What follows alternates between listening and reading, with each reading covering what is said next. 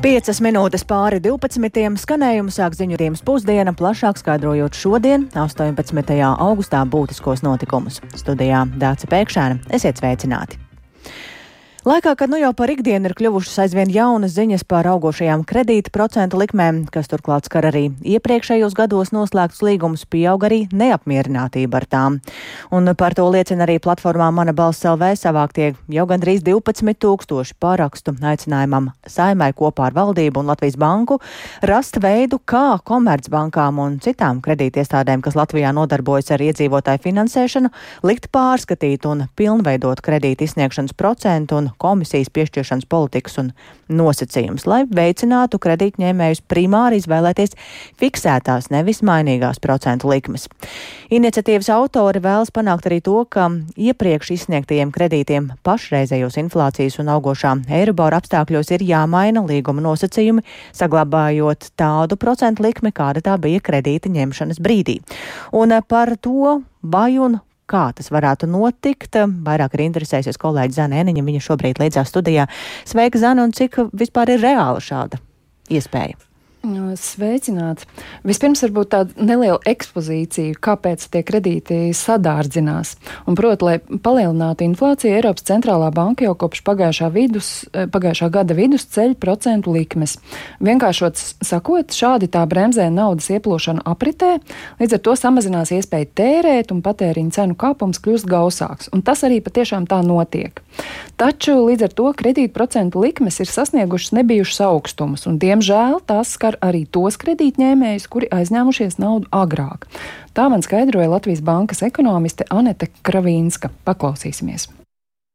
centrālās bankas likmju celšana atspoguļojas arī citos finanšu tirgus instrumentos, tajā skaitā Eiribor, kas ir, tā teikt, naudas cena, starptautiski atzīta naudas cena finanšu tirgu, par ko bankas var aizņemties naudu. Un Latvijā liela daļa no kredītiem ir piesaistīta tieši šai te naudas cenai, kas ir Eiribor likmei uz dažādiem termiņiem. Līdz ar to tas mehānisms, kad Eiropas centrālā banka ceļ likmes atspoguļojas arī naudas cenā, un uh, tātad šo naudas cenas pieaugumu izjūt uh, arī lielākā daļa kredītņēmēju.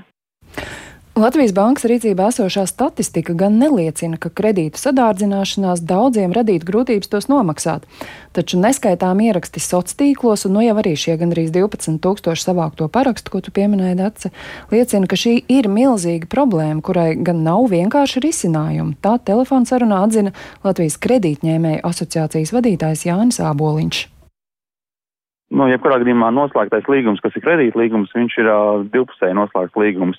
Ja neviens, teiksim, arī valsts visticamāk nevar iejaukties šīs līguma attiecībās, līdz ar to tikai un vienīgi pats kredītdevējs, ja banka vai kāds cits hipotekārais kreditors var pieņemt lēmumu pastatīt šīs procentu likmes. Un tas, ko saka Eiropas centrālās bankas vadītāji, ka tās ir zāles pret inflāciju, diemžēl, jā, tas ir centrālā Eiropā un rietuma Eiropā, bet pie mums, diemžēl, šīs nav zāles, bet šī ir zināmā mērā tāda indes deva, jo pie esošās situācijas ar visiem procentu likmēm, ar elektrībām un visu pārējo, nu, tas, diemžēl, iztukšo cilvēku maciņus, neļauj tērēt arī ārpus šiem kredītu maksājumiem, viņi šos uzkrātos līdzekļus novirza kredītu maksājumiem, bet neiet uz veikalu, nepērk varbūt tās vai neiet uz kādu ēdnīcu vai restorānu. Nu, kredītņēmēju asociācijas pārstāvs tad apšauba, vai kaut kā centralizēti būtu iespējams piespiest bankas izmainīt agrāk noslēgtu līguma nosacījumus tā, kā to vēlas iniciatīvas autori, proti nofiksējot tādu procentu likmi, kāda tā bijusi kredīta noslēgšanas brīdī. Arī Latvijas bankas ekonomisti izteicās līdzīgi. Šāda iecerē izskanējusi jau agrāk, bet tas varētu beigties ar to, ka bankas vēl vairāk samazina kreditēšanu, jo tas vairs nav izdevīgi un ir saistīts ar lielu, lielu risku. Nu jā, ekspertu teiktajā izskan tāda skepse, bet kas galu galā tad notiek ar, tālāk ar šiem mana balss LV parakstiem? Nu, tie nonāk pie likumdevēja saimā un ar vislielāko varbūtību budžeta un finanšu komisijā, kuras priekšsēdētājs Jānis Reirs eh, no jaunās vienotības jau agrāk izteicies, ka procentu likmju celšana agrāk ņemtiem hipotekāriem kredītiem esot pat nelikumīgi. Ar viņu man neizdevās sazināties, bet budžeta un finanšu komisijas priekšsēdētāja vietnieks Artūrs Butāns no Nacionālās apvienības apliecināja, ka šim jautājumam komisijā nu, jau ir pievērsušies un noteikti pievērsīsies atkal, spriežot par draudzīgākām procentu likmēm pašlaik izsniedzamajiem kredītiem. Tāpat Artūrs Butāns atgādināja, ka joprojām aktuāls ir jautājums par banku virspēļņas jeb solidaritātes nodokli, jo, kā zināms, paaugstināto likmju dēļ tās ir guvušas pamatīgu peļņu. Lietuvā šāds nodoklis ir ieviests, un pēc Butāna teiktā, valsts budžetā šādi nonākuši jau vairāk nekā 140 miljonu eiro, un šo naudu varētu izmantot arī grūtībās nonākušu cilvēku atbalstam. Paldies Zanai Eniņai par šo skaidrojumu. Un runājot par sabiedrības iniciatīvām, tad jāpiebilst, ka šī nebūtu nav vienīgā, kas attiecas uz iedzīvotāju maksājumiem. Tāpat arī pārakstus vārds, piemēram, par jauno elektroenerģijas sadalas tarifu un saistīto maksājumu atcelšanu. Šobrīd tos solīts ir pārskatīt decembrī, bet pāragri esot uh, spriest, vai tie mainīsies. Bet tas, ko gan sadalas tīkls, ir, ar ko ir nācis klajā, ka tagad gadu kopš ir stājušies spēkā jaunie tarifi varēs bez maksas atjaunot iepriekš samazināto to pieslēgumu slodzi. Tā šorīt Latvijas televīzijai sacīja sadalas tīkla pārstāve Gunta Līne, un ir runa par tiem gadījumiem, ja iedzīvotāji cenšoties mazināt elektrības rēķinus slodzi samazinājuši, bet pēc tam ir sapratuši, ka ar mazāku jaudu nepietiek, un līdz šim par tās pieslēgšanu atpakaļ bija jāmaksā aptuveni 80 eiro. Bet mēs arī ar naudas lietām turpinām. Latvijai tuvāko sešu gadu laikā ir jāsasniedz Eiropas Savienības vidējais labklājības līmenis. Tā jaunās valdības veidotājiem ir norādījis valsts prezidents Edgars Rinkēvičs. Ko tas nozīmē, cik šāds mērķis Latvijai ir sasniedzams un kā uz to raugās politiķi, par to vairāk ir interesējies kolēģis Viktors Demīdovs, un šobrīd ir ieradies studijā, lai par to pastāstītu vairāk. Sveiks, Viktor! Un tātad eh, pērn Latvijā iekšzemes koprodukts uz vienu iedzīvotāju no Eiropas Savienības vidējā līmeņa atpalika apmēram par ceturto daļu vai līdz ar to tas prezidenta uzstādījums sasniegt vidējos rādītājus līdz 2030. gadam neizklausās pēc tāda sapņa, nevis reālas iespējas? Jo, labdien, jā, nu tā tad valsts prezidents vakar tiekoties ar nu, jau bijušo premjerministru Krišānu Kariņu no jaunās vienotības norādīja, ka jaunas koalīcijas veidošanā tātad aicina izvirzīt konkrētu mērķi. Un tas ir līdz 2030. gadam Latvijai ir jāsasniedz Eiropas Savienības vidējais labklājības rādītājs, īpaši uzmanību tad, tad pievēršot izglītībai un zinātnē, investīcijām, respektīvi cilvēkiem Rīgā un Latgalē ir jājūtas vienlīdz labi. Un ar šo domāts, ka Latvijai tādam rādītājam kā iekšzemes koproduktam uz vienu iedzīvotāju ir jābūt tādā pašā līmenī, kāds tas ir vidēji Eiropas Savienībā. Un skatoties Eurostata pagājušā gada datus, tad vidējais līmenis Eiropas Savienībā bija 100, bet Latvijā 74%. Un tad pagājušā gadā Latvija ievērojami atpalika pat no saviem kaimiņiem - Igaunijas, kuriem ir 87%, un Lietuvas, kas Igauniju pārspēja, un viņiem ir pat 89%. 9%, bet eh, jāņem vērā, ka ar katru gadu tas vidējais līmenis Eiropas Savienībā mainās un attiecīgi iespējams 2030. gadā to Lat Latvijas 100% līmeni varētu arī sasniegt. Nu, teorētiski iespējams, mm. bet, bet tajā pat laikā vidēja rādītāji Eiropā ļoti iespējams būs krietni augstāki. Brīdī, jā, un tāpēc uh, kā uz to raugās uh, no malas, teiksim tā, bet uh, Eiropa parlamenta deputāts Roberts Zīle no Nacionālās apvienības Latvijas televīzijas raidījumā, kas notiek Latvijā, norādīja, ka valsts prezidenta tas aicinājums ir drīzāk politisks vēlējums vērtējums. No ekonomiskā viedokļa Viņš... visdrīzākais nebūs iespējams, lai arī sagaidāms, ka Eiropas Savienībā nebūs ļoti labi izaugsmas gadi. Nu, tuvākajos gados būsim atklāti. Bet tomēr tas ir labi. Tas ved uz kaut kādu jaunu valdību, ved uz kaut kādu jaunu mērķi. Tāpēc es pilnīgi saprotu, kas man ļoti patīk no šī punkta. Tā lūk, Eiropa parlamenta deputāts Roberts Zīle no Nacionālās apvienības savukārt jaunās vienotības premjera amata kandidāta un labklājības ministra Hevika Siliņa Latvijas televīzijas eh, tajā pašā raidījumā pieļāva, ka iespējams tas domāts kā mērķis, kuram ir jātiecas, nu līdzīgi kā sportā. Tātad, ja nesasniedz, nu tik un tā tev ir jāmēģina tas sasniegt. Katrā ziņā līdz 30. gadam mēs tāpat 3,5 gadu laikā to nevarēsim izdarīt, bet manuprāt ir ļoti labi, ka viņš ir iezīmējis tādu garāku termiņu, jo mēs mm. mēdzam. Jums var būt labi. Nē, mēs mēdzam bieži vien ļoti īsos termiņos domāt. Bet, no tāda sabiedrības viedokļa, manuprāt, sabiedrībai varētu patikt šāds garāks. Tātad, jā, un ja paraugāmies uh, vispār uh, uz kopējo situāciju, nu pieņemsim, ja, ka valstī iedzīvotāju skaits sarūk, bet ekonomika attīstās, tad teorētiski tas vidējais līmenis var arī pieaugt, bet ņemot vērā Eirostat ātro novērtējumu, tad Latvija ātri otrajā ceturksnī šogad starp deviņām Eiropas Savienības valstīm ir, nu, tas iekšzemes koprodukta kritums, un attiecīgi, nu, tad pagaidām tās, tas neliecina par kaut ko tādu pozitīvu. Un, eh, jā, tad es arī viedoklī prasīju Seibankas ekonomistam Dainim Gašpuitim, kā viņš raugās uz šo situāciju. Lūdzu, tad mhm. paklausīsim. Jo tālāk mēs eh, attīstīsim ekonomiku, jo pietuvoties attīstītajām valstīm kļūs arvien sarežģītāk. Līdz ar to, protams, kā mērķis tas var būt, Un kopumā es teiktu, tā konverģence arī turpināsies, bet eh, tādā plašākā mērogā tas varbūt nebūtu tas primārais mērķis. Tas mūsu dzīves līmenis eh, nu, savās prasībās noteikti ir virs Eiropas Savienības vidējā, un te jau ir daudz niansētāk jāskatās ne tikai pēc IKP rādītāja, jo nu, mums arī pie zemāka IKP rādītāja ir tiksim, tā, daudz iespēju uzlabot uh, dzīves kvalitāti, ko nemēr tikai pēc uh, ekonomikas. Līdz ar to es teiktu, ka tas ir uh, ļoti ambiciozs mērķis. Šeit būtu svarīgi, ka ir tāds ambiciozs mērķis, kam tiek pakārtot arī reāli risinājumi, ja, reāli lēmumi par kuriem mēs jau runājam gadiem. Līdz ar to tas varētu būt kā tāds stimuls citu būtisku lēmumu pieņemšanā. Jā, tālūk, Dainis Gašpovitis, Seibankas ekonomists par nu, šādu valsts prezidenta aicinājumu sasniegt Eiropas Savienības vidējo līmeni. Paldies Viktoram Demidovam par šo ieskatu. Tātad um, ierakstu gaidīsim arī redzījumā pēcpusdienā, kur tad visas šīs lietas būs saliktas kopā. Bet eh, vēl pirms paredzētā termiņa un krietni pirms ziemas apkuras sezonas sākuma Eiropas Savienības dabasgāzes krātuvi piepildījums šonadēļ ir pārsniedzis 90%. Par to vēsta izdevums Politico, atsaucoties uz kompānijas Gas Infrastructure Europe datiem un tiesa gan gāzes eh, cena joprojām ir augstāka nekā pirms kara, kad tās vārstījās ap 20 eiro par megavatstundu. Plašāk par to Rihards Plūme.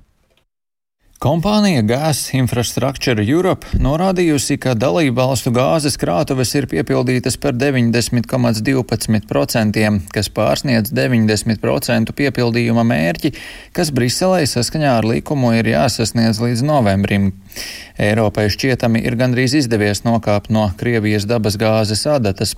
Vēl pirms kara Krievija Eiropas Savienībai nodrošināja aptuveni 40% no bloka pieprasījuma. Krievijas gāzes apjoms 2022. gada pirmajās 32 nedēļās ir samazinājies līdz 23,6% no bloka importa, un līdz šim šogad tas ir samazinājies līdz 8,4%.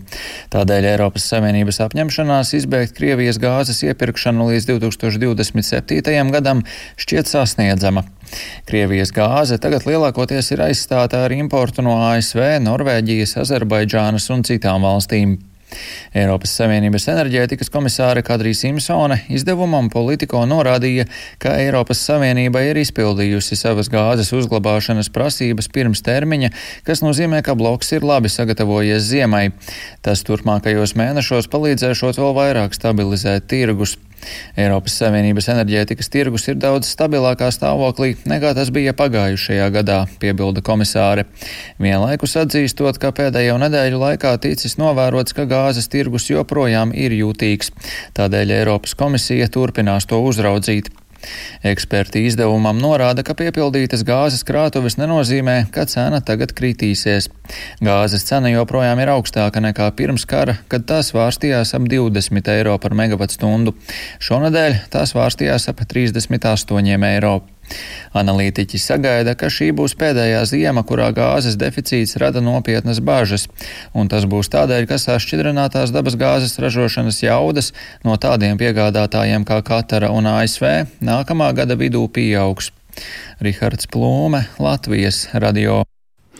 Un, ja šobrīd izskatās, ka ar gāzes krājumiem ziemai Eiropā viss kārtībā, tad raidījuma turpinājumā par kādu problēmu, kas jau ilgāku laiku prasa risinājumu pašmājās, un nu jau par to sāk satraukties arī kaimiņu valsts.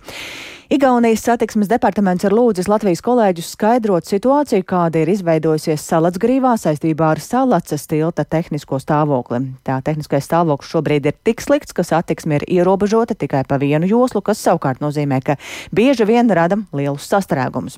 Tajā pašā laikā autoceļš Via Baltika ir starptautiskas nozīmes, un Šai lietai jau ilgāku laiku ir sekojis līdzi vidzemes korespondenta Gunta Matisona, kuru šajā brīdī esam sazvanījuši, un viņa telefoniski pievienojas studijās. Sveika, Gunta, un saka, kāpēc mēs esam vispār nonākuši šādā situācijā, ka nu jau satraukums ir ne tikai mūsu pašu, pašu pusē, bet jau pat igauņi prasa skaidrojumu. Jā, sveiki. Būtībā šī problēma jau ir ilgusi gadiem un nav risināta. Tilts pār salats būtībā jau ir cienījumā vecumā, te ir 65 gadus vecs. Protams, ir bijuši remonti, bet tāda kapitāla remonta jau nav bijis. Un tā kā satiksme par šo tiltu ir pat ļoti intensīva, tad arī slodze dara savu. Pirmā vēstule par tiltu stāvokli satiksmes ministrijai no pašvaldības puses tika rakstīta jau 2010. gadā. Jā, bet kur tad slēpjas šī problēma? Lai arī autoceļš Vijā Baltika ir starptautisks nozīmes, tā ir viena, no, no, tā ir viena no nozīmīgākajām Eiropas tranzīta šosejām, jeb tā saucamajām TNT galvenā tīkla sastāvdaļām. Tomēr izrādās, ka ceļa posms, kas iet cauri salasgrīvai, un tātad arī tilts, ir pašvaldības īpašums. Taču ne toreizējam Salacgrības novadam, ne tagadējam Limbaģa novadam tādu līdzekļu, lai tiltu nu, tā kārtīgi remontētu vai pat pārbūvētu nav.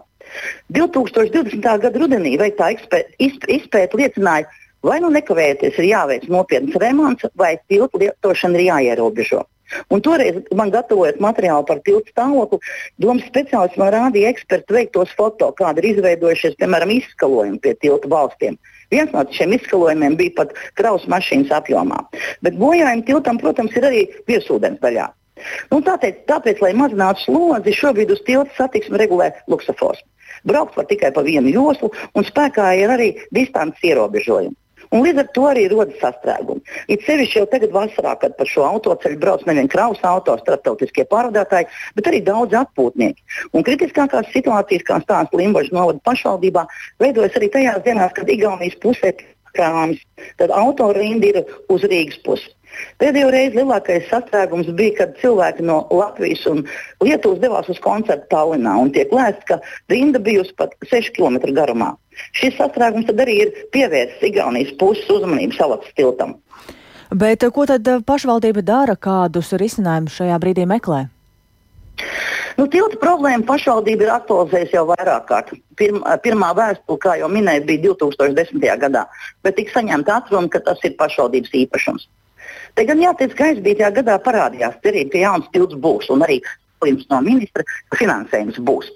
Aizdītā gada februārī jau būvprojekta izstrādātāji pašvaldības vadība iepazīstināja ar esošā tilta konstrukciju demontāžu, satiksmes organizāciju, bet novada, novada mājaslapā jau parādījās pat trīs tilta vizualizācijas, par kurām tika aicināti balsot iedzīvotāji. Jaunā tilta projekta tika arī izstrādāts un veikta arī projekta ekspertīze, bet solījums par finansējumu paliks tikai solījums. Un, kā jau minēju, šī ir nozīmīga tranzīta šoseja. Tā ir svarīga arī šī brīža ģeopolitiskās situācijas ziņā. To vairāk kārt man gatavojot sižets par tiltu problēmām, sarunā ir akcentējis arī toreizējais Sausgrīvs, tagadējais Limbaģis novadomas priekšsēdētājs Dārns Straubērs nu, ka šim ceļam ir strateģiska nozīme un tam arī tiltam ir jābūt uzturētam attiecīgā kvalitātē, kas nodrošina arī militārās tehnikas pārvietošanos un civil, civilo apgādi.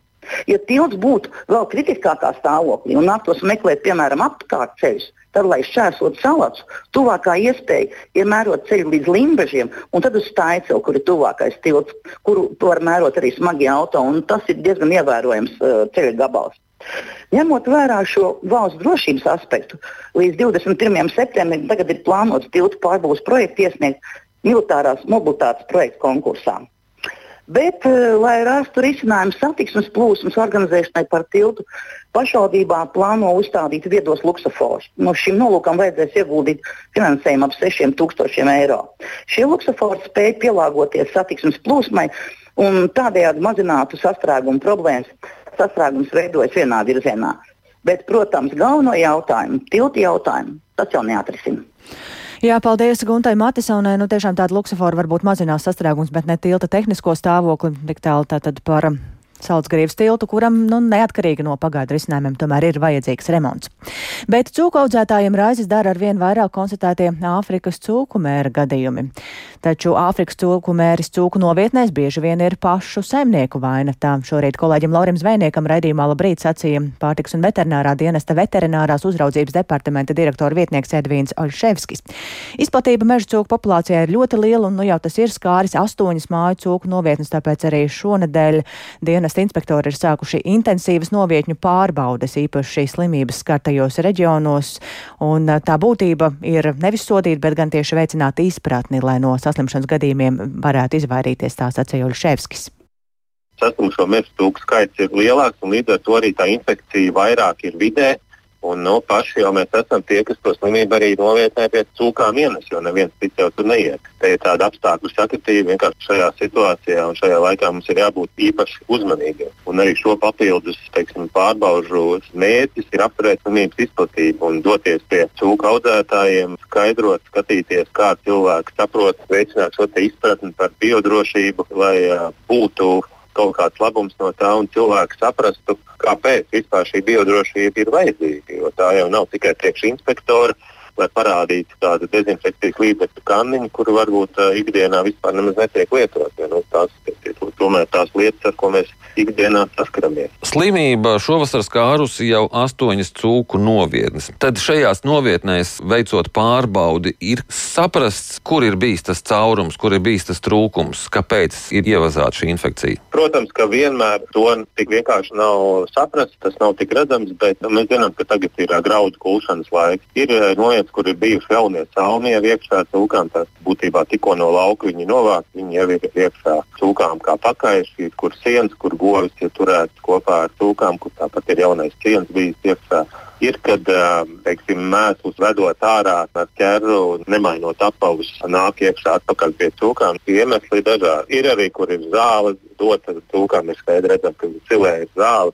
Tas skaidrs, ka šī viss, kas nāk no ārsta, ir, ir potenciāli inficēts un nu, mazākais gadījums šādā veidā, un mēs esam paši to slimību ienesuši iekšā. Jūs sakat, šī gada sienas, tad šos pakāpšus, cik ilgi viņus ir jānotur, lai viņus varētu ienest iekšā? Pēc zinātnieku ieteikumiem tie ir vairāk mēnešu vismaz. Tad, ja tur arī vīrus ir bijis uz šī graudu lauka, ir vairāk gadījumu, ka mēs novērojam, ka beigts trūks uz uh, kuļot labību, tad tiek atklāts. Un, jā, tie ir vairāk mēneši, un uh, tad jau vīrusu savu aktivitāti zaudē. Viņi nespēja inficēt, un nu, tas ir arī viens no šiem biodrošības nosacījumiem.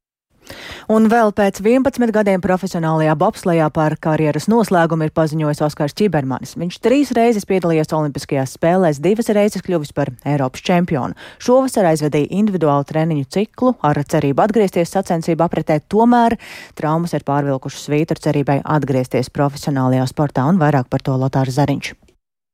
Tas bija gaidāms. Tā par Oskara ķibermaņa karjeras noslēgšanu Latvijas radio sacīja treneris Sandis Prūsis un Bobslēja federācijas ģenerālsekretārs Zintis Eikmanis. Pekinas Somskajās spēlēs pilots veica pēdējo braucienu sacensībās, tās noslēdzot ar sāpēm. Vēlāk ķibermanim veica ceļgala operāciju, pēc kuras sāpes nav pamatušas. Šaubas par sportistu atgriešanos trasē māca jau arī treneri Sandi Prūsi. Viņš jau bija samierinājies ar to. Pēc olimpiādas nē, kādu, kādu, kādu laiciņu pēc tam, kādu gadu atpakaļ apmēram, jā, teikšu godīgi. Cerēju, protams, ja viņš atnāk, tā būtu pievienotā vērtība, bet, kā es teicu, es jau pirms pagājušā sezonas sāku plānot to dzīvi bez viņa, jā, tā kā, kā mēs varētu izskatīties, tā kā, mm. ja tā kā ir. Preses relīzē sportists atzīmē, ka visvairāk satraukušas gūžas. To sāpes neļauj taisīt dziļos pietupienus, jo pēc tam vakarā vairs pat zeķes nevarēja uzvilkt. Tāpat Čibermans norāda, ka negribēja startēt sacensībās piedalīšanās pēc. Vai nu tas ir uz maksimumu, vai nav vispār. Tas nav pārsteigums arī federācijas ģenerālsekretāram Zintim Ekmanim. Uz to jau gāja, uz to jau gāja lēnā garā, tad, kad vēl tur atklājās vēl citas problēmas. Respektīvi, tās citas problēmas ir traumas. Nu jā, jā. Mm -hmm.